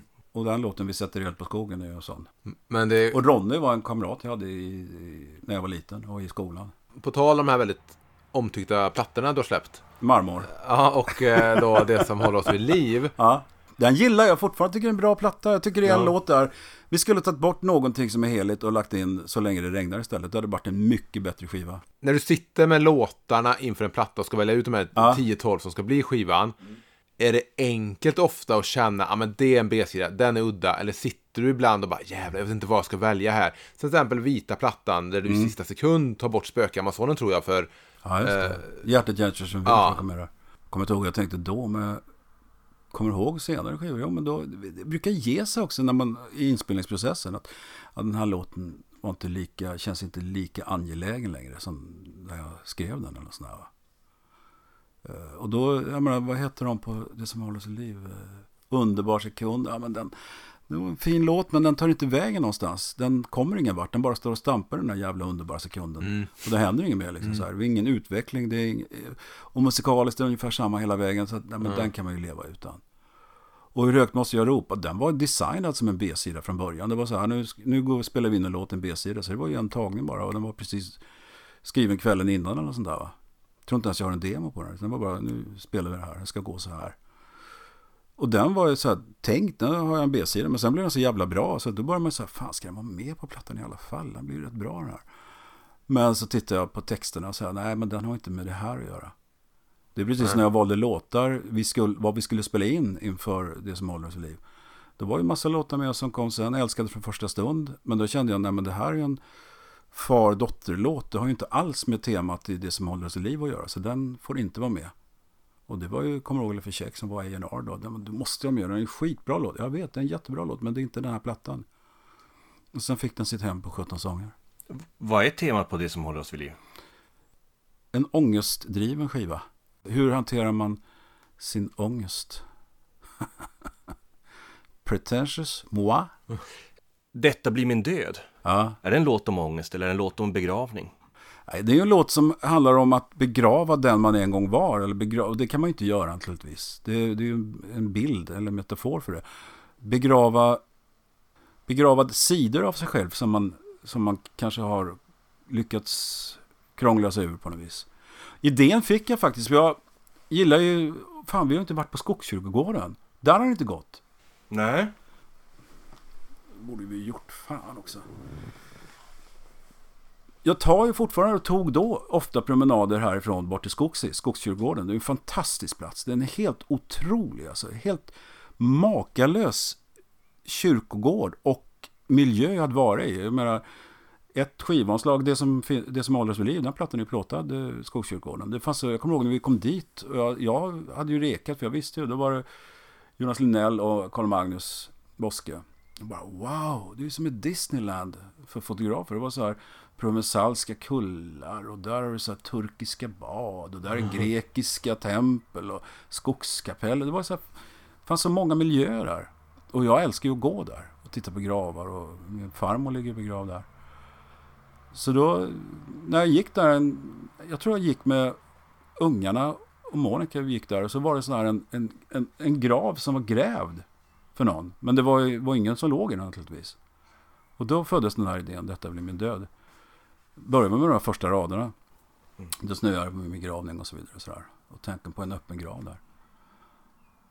Och sen när jag började fundera och fnula på den där låten innan jag skrev den så var det så här att jag kan inte skriva om min egen död. Det är ju bara, nej men jag skriver om att jag begraver någon, den jag en gång var. Och det sjunger jag väl också i låten. Jag ligger den jag en gång var. Det är nästan som en twist i slutet som kommer. Ja, ja. Twilight Zone-twisten. Jo, för att uh, skriva en låt om sin egen död är lite väl sådär, gå med hoven. Om man inte gör det komiskt som Kjell Höglund gjorde på... Ja, Jag precis. gick på min egen begravning idag. Eller varför ska man ta livet av sig? Eh, man får inte höra snacket efteråt. Det var väl Uggla va? Ja. Nej, men det är kul för nu när jag hör dig prata om den här skivan och när, när, när jag har hört dig prata om vita skivan och också det här att i det här fallet, du sa igår sa du vid något tillfälle att eh, du hade så många, du hade haft så många låtar som när du gjorde vita skivan Och den här. och den här. Det här är ju som en andra debutskiva.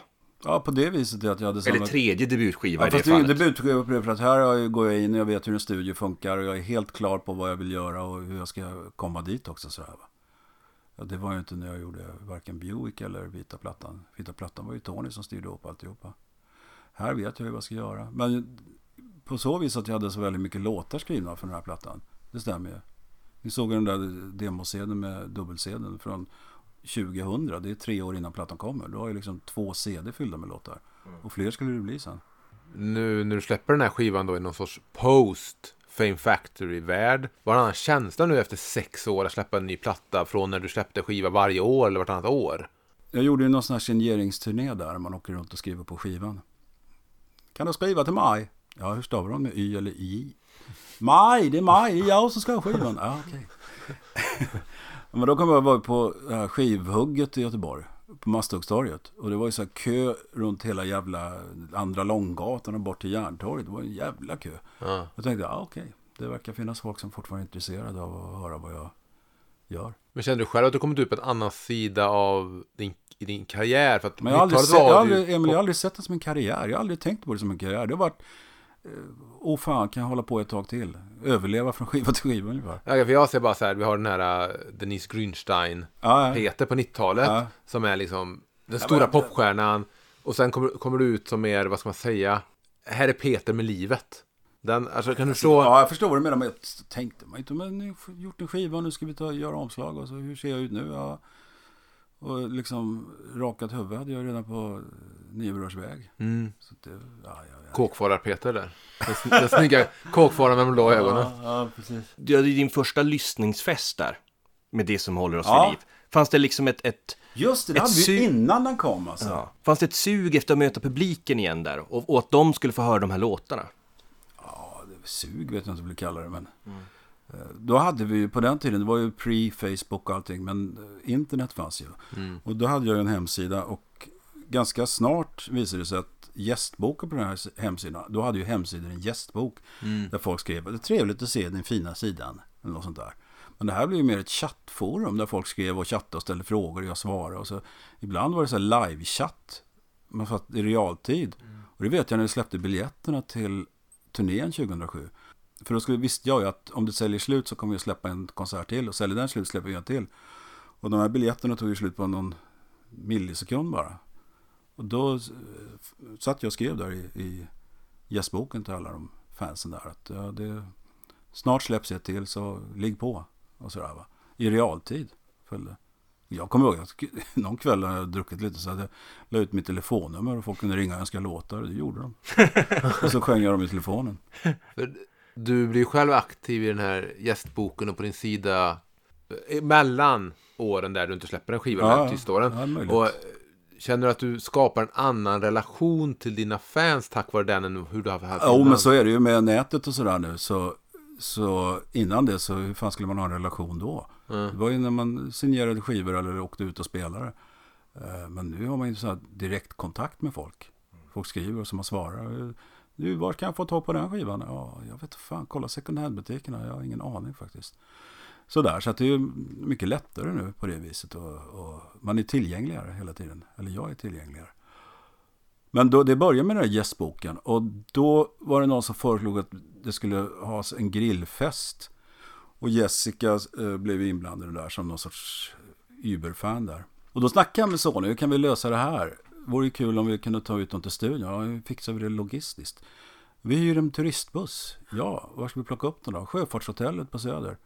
Så åker vi ut till studion. För studion låg ute mellan Sundbyberg och Bromma då, ute i där Bällstaån. Gamla Europafilmstudion, den klassiska där. Alla från Edvard Persson, Hepstars, Tages och Bob Marley och Satchmo har spelat in skivor, säger de. Ja, men då bestämde vi det. Vi, alla som vill komma via gästboken anmäler sig till Jessica och sen så plockar vi upp alla i en turistbuss på Sjöfartshotellet och det gjorde vi alla. Stod där, hej hej, och jag var med i bussen och var en sån här eh, vingvärd när vi åkte. Ja, till vänster ser vi och kom ihåg nu att ställa om klockorna. Eh, Stockholm ligger en timma före resten av landet. Eh, och så fick alla komma in i studion och kontrollrummet och alltihopa. Och så spelade jag upp de grejer som var färdigmixade och några som var råmixade. För då var inte plattan klar än. Och sen fortsatte då ut på Långholmen var det.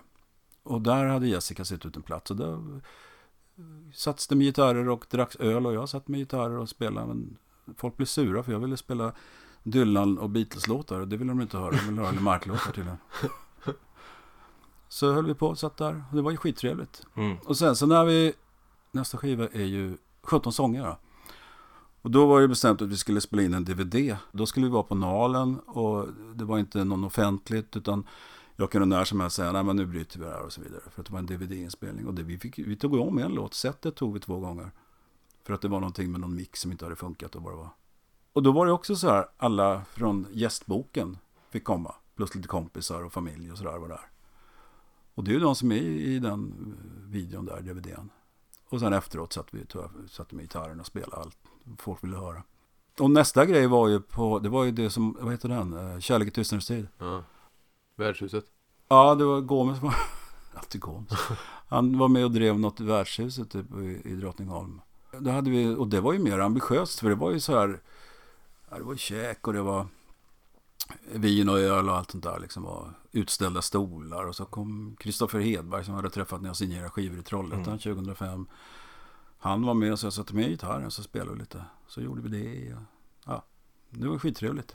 Vad får du av de eh, lyssningsträffarna? Det, alltså när vi säger eh, Kärlek i tystnadens tid och även den vi hade, vilken platta var det då? Svag doft av skymningar på Södra Teatern. Ja, just det. Det var då vi hade på Södra Teatern. Och då fanns ju Facebook och allt det här va. Ja. Så det var en helt annan sak att styra. Det var inte så här litet och intimt med kanske 70 pers eller 50 pers eller vad det nu var. Utan det var ju 2, 3, 400 så här som fick men Det var då jag sa att, ja men har de kommit än? Ja, det står lite där ute. Ja, men det, vi släpper in folk. Så jag kan ju hälsa på alla. De som kommer först. Sen upptäckte jag att ja, det, man kan ju inte bara gå när man börjar hälsa. Man fick stå kvar och säga hej till alla. Och så var det selfie-tillfälle och sådär liksom. De som är intresserade av att komma på sådana träffar, det är ju, det är ju sådana som antagligen har köpt alla skivor. Och de facto betalat min lön. Det är väl en sorts skyldighet att betala tillbaka på något vis. Eller vara lite bussig tillbaka. Tycker du lite då att fansen är dina chefer som Kiss brukar säga? Ja, chefer vill jag inte säga. Men, eh, nej, men det är ju så att de, de som har köpt mina skivor. Det är de som har bekostat den här kåken och det liv jag lever. Mm. Finns det en chans att det kunna dyka upp någon till sån träff med de här gästbokspersonerna? Eller? Nu? Ja, av någon... Nej, nu har jag inget att, nu har inget, jag har inget att presentera. Nej, men du kan spela lite Dylan covers. Dylan covers, ja. Undrar man får höra en Dylan cover sen. ja, jag kan spela den. Vilken vill du höra? Kan du den uh, översättningen du gjorde i Trollhättan? Ja, i Trollhättan. Det var den här.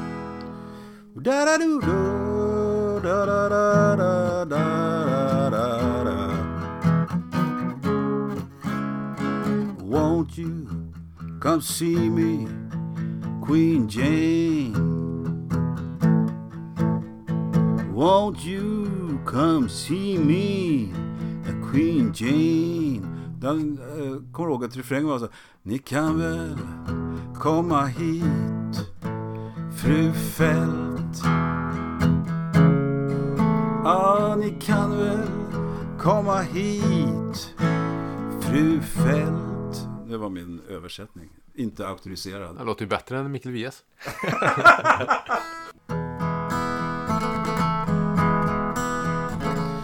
They're selling postcards of the hanging. They're painting the passports brown. The beauty parlors filled with sailors. The circus is in town. Here comes the blind commissioner. och så vidare. Vad är det? 80 verser? Ja. Och där tackar vi för dagens samtal. Ja, ett roligt och väldigt spritt avsnitt. Många samtalsämnen. Eh, men om jag bara får vara lite självkritisk, Tony. Mm. Och jag vet inte om det här är eh, ditt fel eller Peter Lemarks. Men jag tycker att eh, det finns inget bättre. Fick inte den tiden det borde fått. det, det, den skivan försvann bort lite. Så att, jag, jag, tror att jag, jag tror att jag ligger sömnlös om nätterna ibland och bara sådär tänker varför ställde jag inga mer frågor om ända till september. Ja, och jag menar, varför bad vi inte Peter Lemark spela Ta med dig månen när du går på eh, tramporgel? Ända till september. Det är ju faktiskt en sak som gäller för just den här intervjuserien. För nästa vecka släpper vi vår sista del mm. av den här intervjuserien med Peter Lemark. Och hoppas nu att ni lyssnare sitter på nålar fram till nästa vecka då för den avslutande delen. Värd att vänta på. Det kan man verkligen säga. Nu ska jag göra som så efter allt snack om demos att jag eh, sätter mig ner och lyssnar några varv till på Hemkört. Om man vill komma i kontakt med oss Emil, hur gör man då? Ja, enklast är ju att nå oss via sociala medier. På Instagram, på Twitter eller Facebook. Vi finns där som Peter eller podd. Vill man så kan man också mejla oss på peterlepodd.gmail.com. Glöm inte bort att det är ett D i lepodd.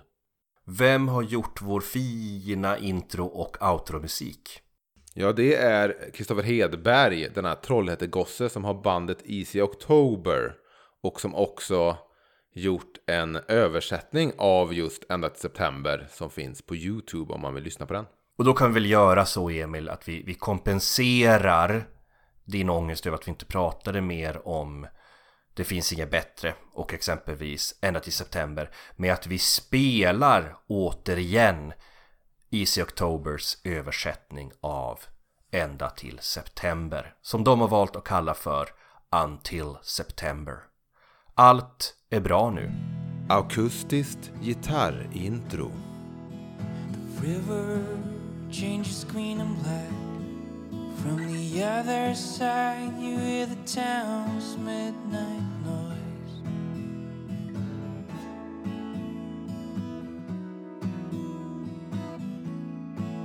Only blue light from the boats. No one sees when you give her something she enjoys.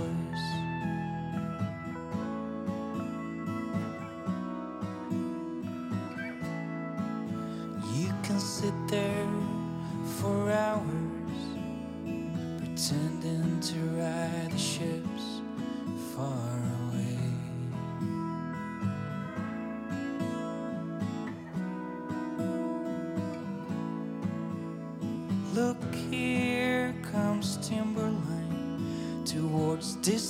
ports. where you'd you like to go someday?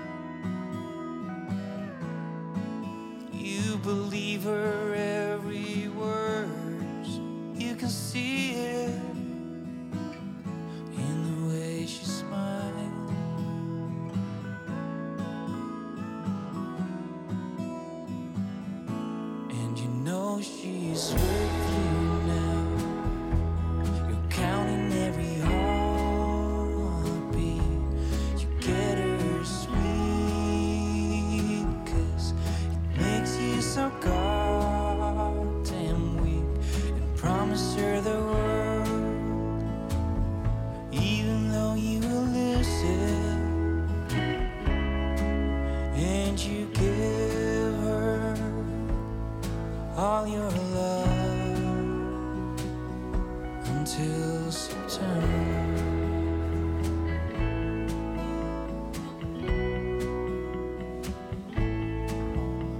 On Sunday, you go far